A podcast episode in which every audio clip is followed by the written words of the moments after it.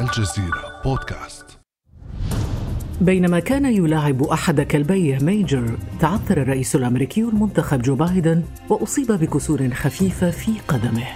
بلغ الخبر الرئيس المنتهي ولايته دونالد ترامب فسارع إلى تمني الشفاء العاجل لبايدن وهو الذي لم يرحب بفوزه. مشهد استثنائي يعكس واقع انتقال السلطة المتعثر في الولايات المتحدة الأمريكية.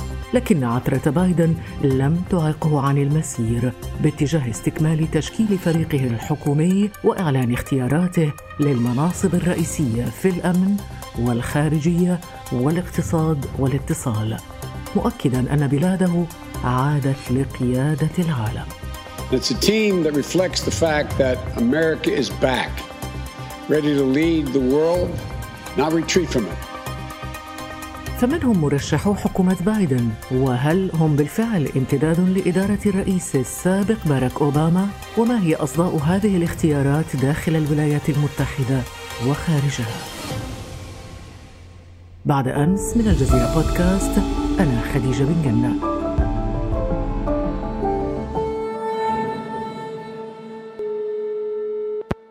ينضم إلينا من واشنطن في هذه الحلقة الدكتور أسامة أبو رشيد الباحث بالمركز العربي للأبحاث والدراسات في واشنطن. صباح الخير دكتور. صباح النور. دكتور أسامة قبل الحديث عن فريق بايدن دعنا نشرح في البداية كيف تتم عملية انتقال السلطة في الولايات المتحدة. عملية انتقال السلطة تخضع لقانون الانتقال الرئاسي الذي صدر عام 63 والذي ينظم الانتقال السلطة بين الإدارة التي انتهت ولايتها والإدارة القادمة. وهذا أيضا يخضع لسلطة مسؤول الخدمات العامة. مسؤول الخدمات العامة يرشح من قبل الرئيس ويتم المصادقة عليه من قبل مجلس الشيوخ الأمريكي وقسم الخدمات العامة هذا يعني ميزانيته تتجاوز ال 20 مليار دولار. هو الذي يقرر إعطاء المكاتب والخدمات اللوجستية وكل ما تحتاجه الإدارة القادمة بمعنى أنه يعطيها مدخل إلى الإدارة القائمة لكي يحصلوا على المعلومات التي يحتاجوها في الفترة الانتقالية ما بين الانتخابات الرئاسية وإعلان الناجح. فحتى تسلم الرئاسة فإن هذا الفريق الانتقالي يحصل على كل المعلومات التي يريدها ويكون له مكاتب ويكون له ميزانية. والهدف من ذلك أن يضمن انتقالا منظما وسلميا ما بين إدارتين يعني عندما نصل إلى العشرين من يناير كانون الثاني حينها تكون الإدارة التالية جاهزة مباشرة لاستلام الحكم نعم لكن أي تأخير لعملية نقل السلطة طبعا بسبب رفض ترامب التعاون مع الفريق الانتقالي لبايدن ما تداعياته؟ أهم التداعيات هو أن الإدارة القادمة لن تكون في وضع يخولها للتعامل مع كل التعقيدات سواء كانت داخلية أم خارجية. لنأخذ الآن المثال الحالي، عندنا إدارة بايدن الآن بحاجة مثلا إلى أن تطلع على أين وصلت جهود إدارة دونالد ترامب في التعامل مثلا مع جائحة كورونا. الآن حصلوا على هذه المعلومات لأنه سمح لهم أخيرا، لكن كان هناك تأخير لمدة أسابيع، بسبب ذلك الإدارة الآن إدارة بايدن القادمة تواجه مشاكل في عملية مثلا الإشراف على توزيع اللقاحات. هناك مشكلة في المصادقة على اللقاحات. يبدو أن ترامب يصر أن يكون هو الشخص الذي يصادق عليها. أيضا مشكلة أخرى وهي قضية تحفيز الاقتصاد مرة أخرى عبر خطة لتوزيع مساعدات على الولايات وعلى الأعمال الصغيرة وعلى المواطنين الأمريكيين هذه أيضا إدارة بايدن تأخرت فيها كثيرا فهذا أثر على الواقع الأمريكي داخليا. فيما يتعلق بالسياسة الخارجية هناك عدم تعاون كامل مثلا في الملف الإيراني وهذا يشكل عقبة حقيقية أمام إدارة بايدن. فهذه الأمور كلها عندما لا يكون هناك هذا التواصل ولا يكون هناك هذا التنسيق بين إدارة ذاهبة وبين إدارة قادمة فإنه يكون هناك تعقيدات في الحكم للإدارة القادمة. وعندنا تجربة أنه في عام 2000 عندما كان هناك خلاف على نتيجة الانتخابات ما بين آل جور وجورج بوش الإبن الذي أصبح الرئيس في ذلك الوقت حسب تقرير لجنة الحادي عشر من سبتمبر يقول أن تلك الفترة الحرجة ما بين النزاع على الانتخابات بين الطرفين وما بين تولي جورج بوش الإبن ساهمت في إضعاف البنية الأمنية للولايات المتحدة وساهمت في تسهيل عملية الخاطفين في الحادي عشر من أيلول سبتمبر. فإذا لا شك أن هذه هذه مسألة مرتبطة بالأمن القومي الأمريكي وبالرخاء الاقتصادي الأمريكي وبالقيادة الأمريكية في العالم. دكتور أسامة لو تحدثنا الآن عن تركيبة الحكومة الأمريكية ما هي معايير اختيار أعضاء هذه الحكومة؟ طبعا لا يوجد معيار واحد للاختيار. عندنا معايير مختلفة. هناك معايير الولاء السياسي وهناك معايير رد الجميل لمن وقفوا مثلا مع المرشح الذي سيصبح رئيسا وهناك معايير مهنية. الآن إذا نظرنا إلى الحكومة الأمريكية، الحكومة الأمريكية فيها ملايين الموظفين. هناك أكثر من مليوني موظف مدني بدوام كامل، ثم عندنا ملايين آخرين نجدهم في الجيش نجدهم في وكالات أخرى تتبع للحكومة الفيدرالية وعندنا أكثر من تسع آلاف منصب. هؤلاء ينبغي تعيينهم منهم 4100 منصب ينبغي أن يعينهم الرئيس. وهؤلاء الأربع آلاف ومئة الذين ينبغي أن يعينهم الرئيس ولا ينبغي أن يكون هناك الكثير من التعطيل في تعيينهم لأنهم يرتبطون في قضايا متعلقة بالأمن القومي والسياسة الخارجية وقضايا المناخ وقضايا الموازنة والضمان الاجتماعي وغير ذلك من الأمور. نجد أن هناك أربعة أنواع من هؤلاء. نوع يتطلب موافقة مجلس الشيوخ ونوع لا يتطلب موافقة مجلس الشيوخ. الذين يتطلبون موافقة مجلس الشيوخ على سبيل المثال الوزراء يعني عندنا 15 وزارة. فينبغي هؤلاء أن يحظوا على موافقة مجلس الشيوخ ومساعديهم ونوابهم أيضا. ينبغي أن يحصلوا على موافقة مجلس الشيوخ. وأيضا هناك لو تكلمنا عن مدير ال FBI على سبيل المثال هذا موقع يتطلب موافقة مجلس الشيوخ مدير ال CIA نفس الشيء.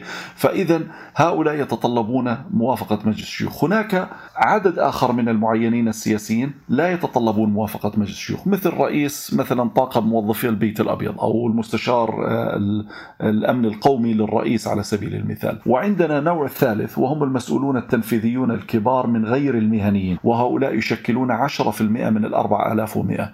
هؤلاء أيضا يستطيع أن يعينهم الرئيس وهؤلاء لا يتطلبون بالضرورة موافقة مجلس الشيوخ. ثم عندنا النوع الرابع وهم معينون في مجال صنع السياسة فيما يتعلق بالسياسة الداخلية والخارجيه وأيضا هؤلاء منهم من يتطلب موافقة مجلس الشيوخ ومن لا يتطلب موافقة مجلس الشيوخ. فاذا نحن نتحدث عن كتلة كبيرة من الموظفين وعدد كبير من المعينين سياسيا الذين هم عمليا يمثلون القيادة الحقيقية للمؤسسة البيروقراطية الأمريكية الضخمة على المستوى الفيدرالي.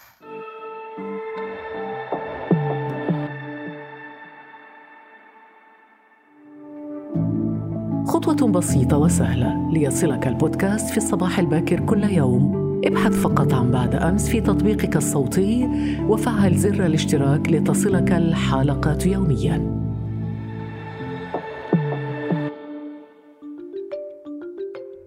لكن دكتور أسامة يبدو أن العراقيل التي واجهت الرئيس الأمريكي المنتخب جو بايدن لم تثنه عن الإيفاء بأول وعوده الانتخابية. فقد اختار بايدن فريقا حكوميا يعكس التنوع في البلاد يضم أعضاء من ذوي البشرة السوداء من أصول لاتينية وعربية من فلسطين تحديدا واللافت أيضا كسره للحواجز التاريخية بترشيح نساء في مناصب قيادية بقيت حكرا على الرجال لعقود طويلة. دكتور من هم مرشحو بايدن للمناصب القيادية وما هي مواقفهم من الملفات ذات الأولوية؟ هناك عدد من المرشحين الذين أعلن عنهم الآن ونعرفهم بالاسم. عندنا مرشحه لوزارة الخارجية أنتوني بلينكن بلينكن هذا كان نائبا لمستشار الأمن القومي تحت إدارة باراك أوباما ثم كان نائبا لوزير الخارجية الأمريكي أيضا تحت إدارة باراك أوباما. بلينكن يعرف على أنه ليبرالي من الذين يؤمنوا بالتدخل الأمريكي على الصعيد العالمي ومن ثم هو شخص يؤمن بالعمل عبر التحالفات وعبر المؤسسات الدولية مثل الأمم المتحدة، التحالفات مثل الناتو، موقفه من عدد من القضايا يميل إلى الموقف التقليدي للمؤسسات الخارجية الأمريكية، مثلا هو مع الاتفاق النووي مع إيران، مع إبقاء الضغوط على إيران ومحاولة احتواء نفوذها في المنطقة، هو مؤيد لإسرائيل وداعم لها ولا ولا يرى بربط انتهاكات إسرائيل للقانون الدولي أو حتى مخالفتها للرغبات الأمريكية بوقف المساعدات عنها إن استمرت في ذلك، لكنه من المؤيدين لدولتين فلسطينية إسرائيلية مع انحياز واضح لصالح إسرائيل، فإذا هذا يمثل وجه السياسة الخارجية الأمريكية. هناك أيضا المرشحة لمنصب السفيرة الأمريكية في الأمم المتحدة ليندا توماس جرينفيلد. هي من قلب المؤسسة الخارجية الأمريكية أمريكية من أصل إفريقي مسؤولة في الخارجية وكانت سفيرة من قبل. هي أيضا من الذين يمثلوا المؤسسة التقليدية التي تؤمن بالقيادة الأمريكية عبر المؤسسات الدولية وعبر التحالفات. وإذا ما تحدثنا عن موقفها من إسرائيل فإنها أيضا داعمة لإسرائيل وهي أيضا مؤيدة لاتفاق النووي مع إيران ومؤيدة للقيادة الأمريكية على الصعيد العالمي. إذا أخذنا أيضا جون كيري الذي عينه ممثلا خاصا لشؤون المناخ كان وزير خارجية وكان سيناتور وهو معروف يعني هو الذي فاوض على الملف النووي الإيراني وتاريخه معروف تحت إدارة باراك أوباما أيضا فيما يتعلق بالشأن الإسرائيلي ومؤيد لإسرائيل ولكنه أيضا مؤيد لحل الدولتين. إذا تحدثنا الآن عن المرشح لوزير الأمن القومي أليهاندرو ميوركاس أيضا هو عمل في إدارة باراك أوباما من أصول لاتينية يهودية من كيوبا. أيضا يعني يمثل أحد أقطاب المؤسسة الأمنية الأمريكية.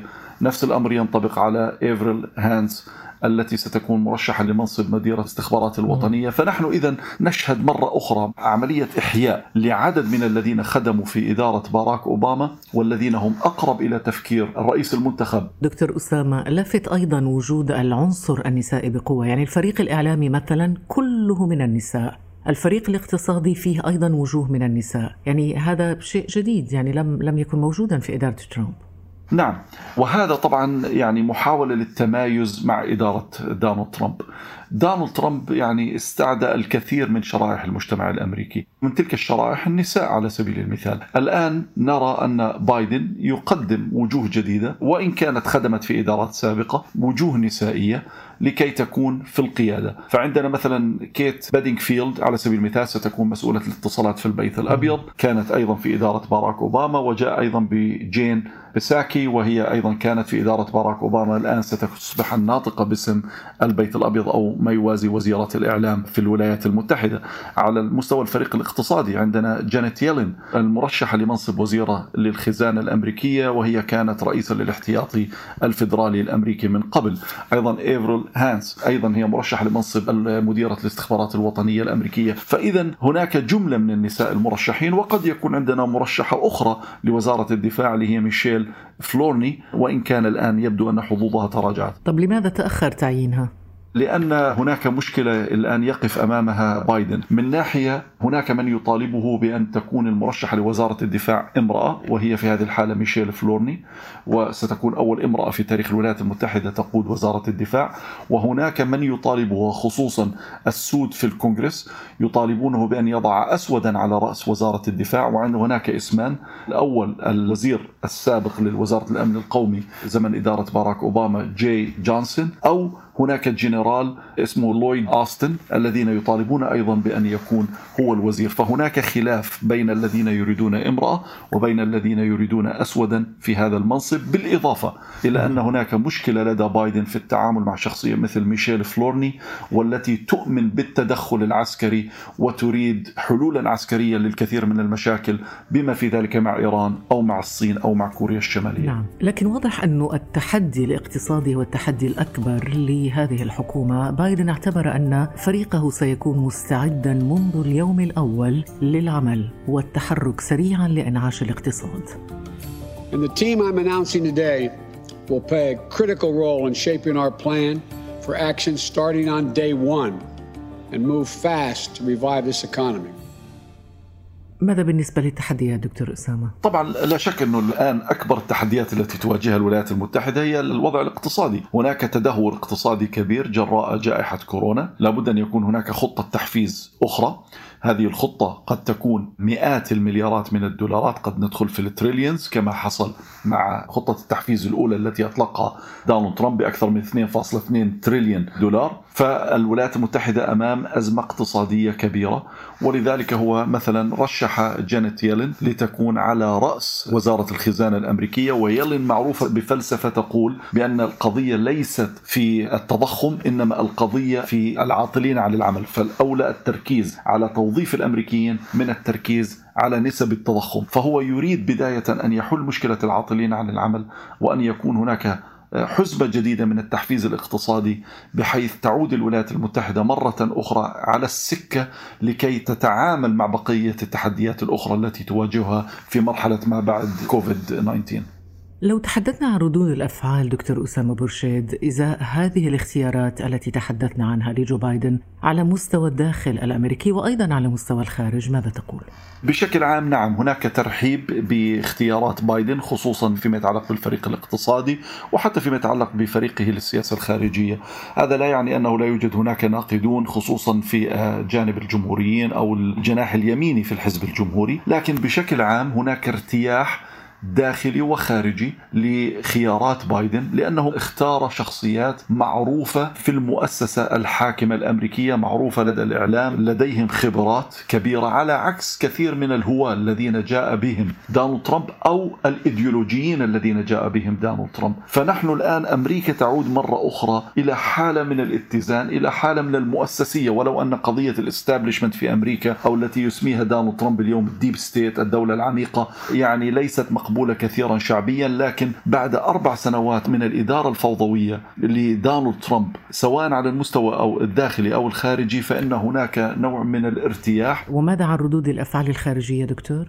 لا شك طبعا أن هناك مرة أخرى ارتياح كبير لأنه يأتي بفريق لديه خبرات كبيرة وفريق لديه علاقات كبيرة وهذا الفريق عامل مع الكثير من الدول والحلفاء والقادة الخارجيين فهناك يعني معرفة بهم وبخلفياتهم. ما يبحث عنه الحلفاء الولايات المتحدة الآن هو الاستقرار في القرار السياسي الأمريكي، الاستقرار في القيادة الأمريكية، الاستقرار في القرارات الأمريكية وما يتوقع من الولايات المتحدة، تحت دونالد ترامب كان هناك حالة من الفوضى واللا استقرار، يوم هو داخل الناتو، يوم هو يهدد بالخروج من الناتو، يوم له علاقات طيبة مع الاتحاد الأوروبي ويوم يصعد تجاريا عبر التعريفات الجمركية مع الاتحاد الأوروبي أو مع كندا أو مع المكسيك أو مع ألمانيا أو فرنسا أو غيرهما، يعني العالم خصوصا الحلفاء الأمريكيين يبحثون عن هذا الاستقرار. وهذه الشخصيات التي طرحها الآن بايدن تقدم هذا الاستقرار.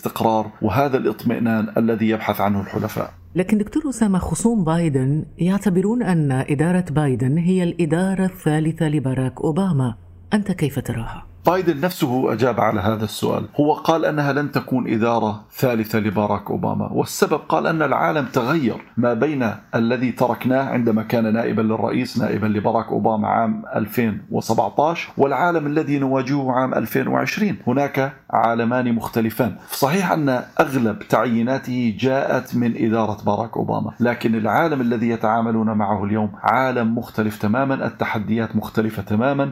هم تركوا العالم وكان هناك اتفاق نووي مع إيران، تركوا العالم وكان هناك نوع من الاحتواء لكوريا الشمالية ولم تكن كوريا الشمالية تملك صواريخ قادرة على ضرب البر الرئيسي الأمريكي، اليوم كوريا الشمالية حسب الاستخبارات الأمريكية قادرة على ضرب البر الرئيسي الأمريكي، الصين اليوم توسع نفوذها في شرق آسيا وتوسع تحالفاتها وتقود تحالفا اقتصاديا كانت تقوده الولايات المتحدة في حين أن إدارة دونالد ترامب اختارت أن لا تكون جزء من هذا التحالف الاقتصادي في شرق آسيا، نفس الأمر يرتبط في مسألة الاحتباس الحراري، فاذا نحن اليوم أمام وضع جديد تعيشه الولايات المتحدة، أين فقدت الولايات المتحدة الاحترام، ولذلك بايدن وضع شعارا مقابل شعار دونالد ترامب، دونالد ترامب كان يتحدث عن استعادة عظمة أمريكا، بايدن جاء وقال لابد من أن نستعيد الهيبة والاحترام الأمريكيين، فاذا هو عالم مختلف وإن كان بشخصيات أغلبها كانت جزءا من إدارة باراك أوباما. شكرا جزيلا لك دكتور أسامة أبو رشيد الباحث بالمركز العربي للأبحاث والدراسات في واشنطن. شكرا جزيلا لك دكتور. شكرا شكرا كثير على الاستضافة كان هذا بعد أمس.